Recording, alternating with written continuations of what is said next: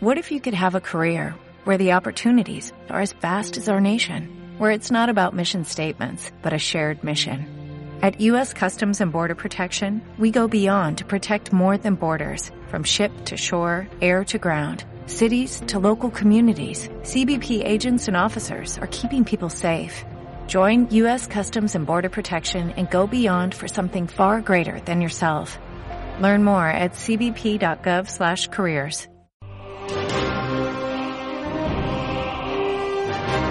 Liburutegi galduaren eskutik Iraganeko kronikak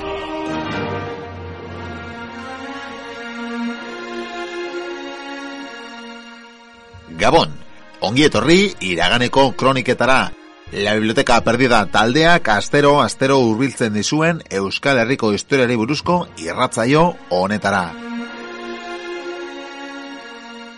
Ongi etorri Bizkaiko iraganera egingo dugun bidai batera. Abillanadeko batzar nagusiak ezagutuko ditugu haien jatorrian historia eta enkarterriko independentziaren isla ematen duten batzar nagusiek. Bidaia honetan, Fernando Martínez Ruedak idatzitako liburua izango dugu bidaide. Eta haren eskutik esan bezala, enkarterriragoaz, abillanadako batzar nagusiak ezagutzeko gure lurraldeko gobernu erakunderik zaharrenetariko bat ezagutzeko prest, alabasan ez basan, az gaitezen kronikan.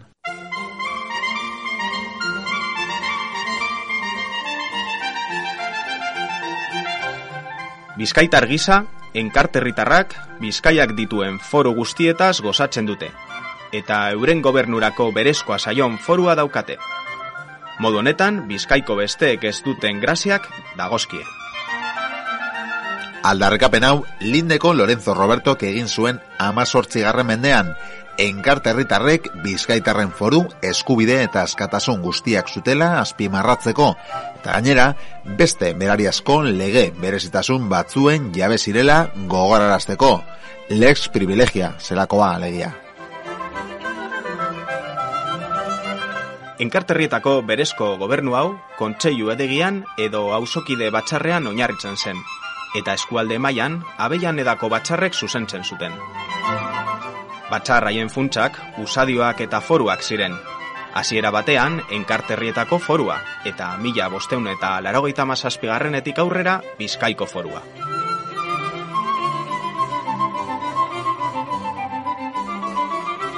Erdiaroan jarri ziren martzan eta foru arosa arosoan iran zuten. Noski, eguneroko bizimoduaren hainbat errotan zuten eragina. Lurren gaineko muga arazoak konpondu, pizu eta neurrien kontrola mantendu, meategietan zenbat burdingai ateratzen zen zaindu, ondoren gontza hausiak ebatzi eta bar. Bestalde, urteak eta mendeak pasa ala, batxarrei funtzio berria egokitu zitzaien enkarterrietako jaurtze modu propioa babestea. Hau da, uru jabetasunaren alde eta kanpoko inork bertan agintzearen aurka egitea. Kontutan izan, Bizkaiko jaurerrian erakunde bereziak zuten eskualdez berdinak zeudela aintzinetik. Hor zeuden Bilbo edo Bermeo bezalako hiribilduak edo Urduñako hiri berezitua. Baita Durangoko Merinaldea, Jatorrizko Bizkaiko Elizateak eta noski Enkarterriak. Gauza korrela, amazazpi eta amazortzi garren mendeetan zehar, probintzi agintearen esparrua zehaztuz, batuz joan zen. Jaurerri osorako erakundeak alegia, Gernikako batzarrak eta aldundia indartuz joan ziren, eta gero eta gintaritza handiagoa jaso zuten bizkaia osatzen zuten zatien ganako.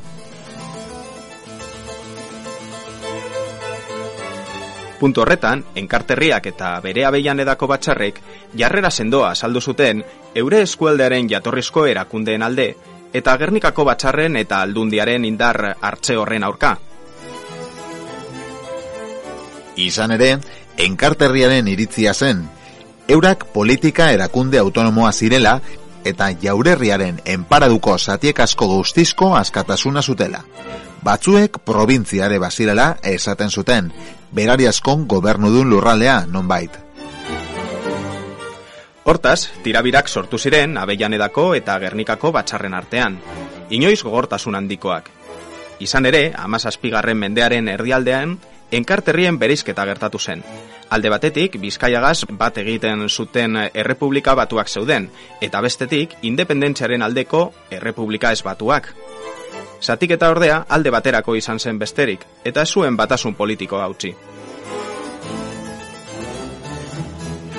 Azkenik, enkarterrietako kontzeiukoi, hobeto iruditu zitzaien bizkaiko erakundeen barruan sartzea, eta mila sortzireun haien egitekoan gernikakoak hartu zuen bere esotasunean. Mendeetako jarduera ordea esen desagertu, eta hala erakusten du eraberritutako batxarren jauregia, gaur egun enkarterrietako museoa dena, edo urtero urtero bizkaiko batxarrek abeian edan bildura egitea, zeren eta abeian edakoa, gernika eta gederiagarekin batera, bizkaiko batxar nagusien egoitza da oraindik ere. Nondik dator ordea hain sakon erroturiko erakunde eura? Kontzerbatzen dugun aipamenik antzinakoena amalau garren mendekoa da, enkarte herrietako foru zaharra idatze zen garaikoa hain zuzen ere. Ala dio. Denok batera bilduta abeian edako batxar nagusian, usadio eta oiturak agintzen duen moduan. Mila irureun eta lalogeita malau garren urtea zen, baina esaldi horrek argi erakusten du aurretik eren batzarrak egiteko ohitura zegoela, noiztik ez dakigun arren. Baliteke, aroko jaunak jaurerri osoa dominatzen saiatu zireneko garaian defentzarako deialdi gisa bilkurak egiten astea. Urte haietan azten baitira enkarterrietako inguru guztiari izen bakarra ematen dokumentuetan.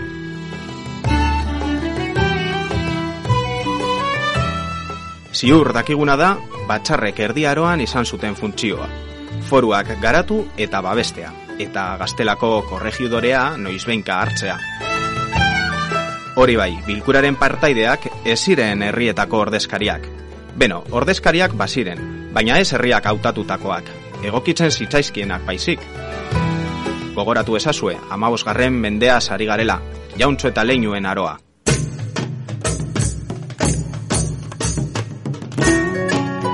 Bandokideen arteko gerrak iraun bitartean, aide nagusi bakoitzak inguru edo baiaran batein jabe zen. Hortaz, abillanadara joaten ziren bere leinukoen alde egitera, azken finean norbere alde jokatzera. Batzarretan, beraz, ordezkaritza familiaren zen. Familiaren esangura zabal hartuta, odol berekoak, borroka lagunak, menpeko bazterritar edo mehatzariak. Gainera, ezin gara inozo izan, espatak eta balestak hitzak baino indar eta erabiltzaile gehiago zuten ertaroan. Indarkeria edo zerren gainetik zegoen. Horregatik, biltzarrak eztabaidarako bilerak baino, desfile militarrak ziruditen. Abeian edara, benetazko gudalosteak joaten ziren bando bakoitzetik. Bidean, arerioaren erasoak ekiditzeko, bai, baina baita, batxarrean, bere argudioi armen indarra gaineratzeko. Eredu gisa, gogoratuko dizuegu, behin, zaila, guainez eta gordesolatik bakarrik, eun eta goi gizon joan zirela batxarrera. Ez darritzeko aberaz, bilkurak inoiz burrukan amaitu izana. Informazio hauetatik beste ondorio bat atera daiteke. Erdiaroan oraindik batzar jauregirik ez egoela. Ez behintzat gaur egun ezagutzen duguna, gatza izango baitzen hainbeste jende batzartuta, danak etze barruan sartzea. Bilerak seguru asko kanpoan egingo ziren, gaur egun desagartu den abeianedako leinuko dorretik hurbil, non jende mordoan biltzeko behar besteleku egongo litzateke. Lautada aproposura, gaur egungo enkarterrietako museoa dagoen lekua izango litzateke non mila bosteunta irugarreneko dokumentuetan bilkurarako aritza forala zegoela esaten digute. Horretaz ari garela, jakin ezazue, zuaitz sakratu gura, gernikaren parekoa, soldatu frantsesek errezutela independentzi gerran.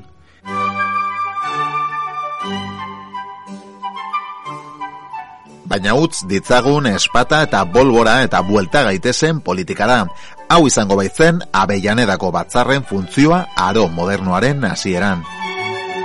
Ordura arteko jendetzak alde batera gelditu ziren eta batzartutakoak herri eskudunak izatera pasa ziren. Handik aurrera, berba egiteko eta botua emateko eskubidedun bakarrak ibar eta kontzeiuetako ordezkariak izango ziren. Enkarterrietako erdialde geografikora, erregimen sarrean enkarterriak osatzen zuten amar udaletako ordezkariak joaten ziren. Güeñez, Zaia, Karrantza, Artzentales, Sopuerta, Gordesola, Galdames, Turtxios, eta baita iruren kontseilua, alegia Santurtzi, Estau eta Trapagaran, eta lauen kontseilua, hotz muskiz, zierbana, abanto goitia eta abanto beitia. Esan bezala, batzar hauek Gernikakoekin batera ospatzen ziren, eta urdaibaikoak batzar nagusitzat jotzen ziren arren, bien artean ezegoen aginpide muga zehatzik ipinita. Ez da harritzekoa orduan, tirabira anitz sortu izana, batez ere erakunde bakoitzak bestearen eskualdean agindu gura izan zuenean.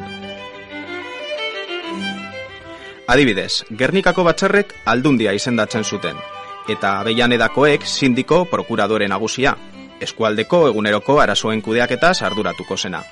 Ba, enkarterrietako karguak ez zuenez onartzen aldundi ikidearen nagusitasuna, amazortxigarren mendean zehar, enkarterrietako aldun deituko zioten sindikoari, jaurerriko aldundiarekin parekatu nahian. Dena den, desberdintasunak izenetatik aratago zijoazten. Enkarterriek eskualdeko epaile berariaskoa zutelako. Korregidorea edo alkate nagusi hau, bizkaiko epailearitza erakundeen nagusitasuna ukatzen zuen ere. Azken finean, enkarterrikoek lege ondare berezitzat zuten berea, eskualdearen foru, ohitura eta ekande multzoak osatzen zuena. Uste hori, eskualdeak izandako foru berezietan oinarritzen zen, eta idatzita gordetzen zen lehena mila bosteun garren urtekoa da. Horregatik, aintzina foru izanak, nora begira ematen zieten enkarterreiei. Amazortzi garren mender arte be.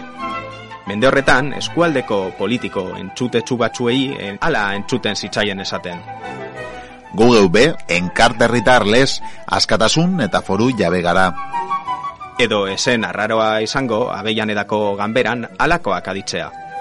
Jaurerriko aginte ekintzak soilik balio dute eta balio izan dira jaurerriko iribildu Elizate eta Irian. Eta ez dute inolako eraginik enkarterrietako lurralde zintzo eta leialean.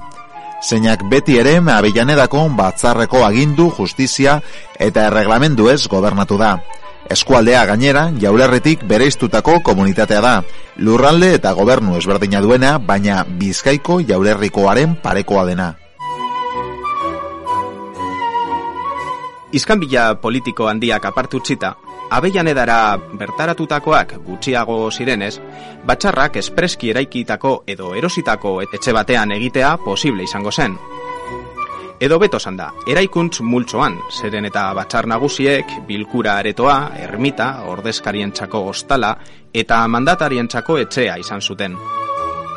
Dena den, ez nahaztu, gaur egun, Flavio Brigada zijoan galtzada erromatarren alboan ikusi eta bizitatu daitekeen jauregia ez da entzinako eraikuntza. Milaka birmoldak eta eraso eta ahantz durak eragindako ondamenak pairatu izan dituelako mendeetan zehar gaur egungo arrisko forma sendoak, almenak eta guzti, Errepublika garaian egindako birmoldaketaren ondorio dira. Agian, bere garai honenetatik kontserbatzen den arrastro bakarra, enkarterrietako eskutu zizelkatua da. Beno, iraganetik, eskutua, museoak berak erakusten dituen piezak eta harima gordetzen du. Zeren batxaretxea, eskualdeko herritarren nortasun adierazgarri da, eta enkarterrietako leku esanguratsua jarraitzen du izaten.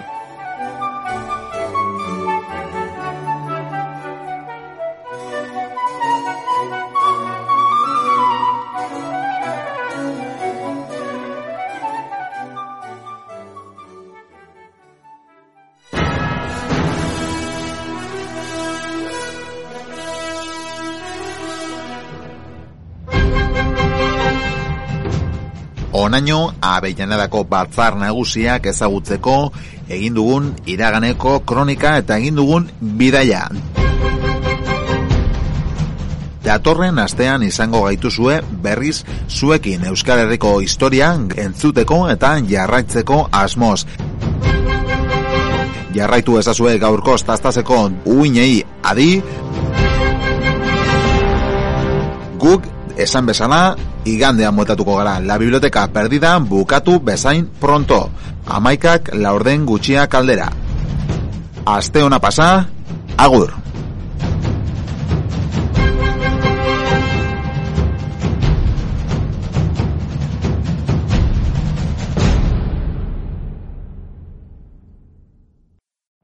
Every day, we rise, challenging ourselves to work for what we believe in.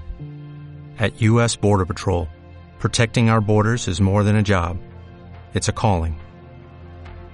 Agents answer the call, working together to keep our country and communities safe.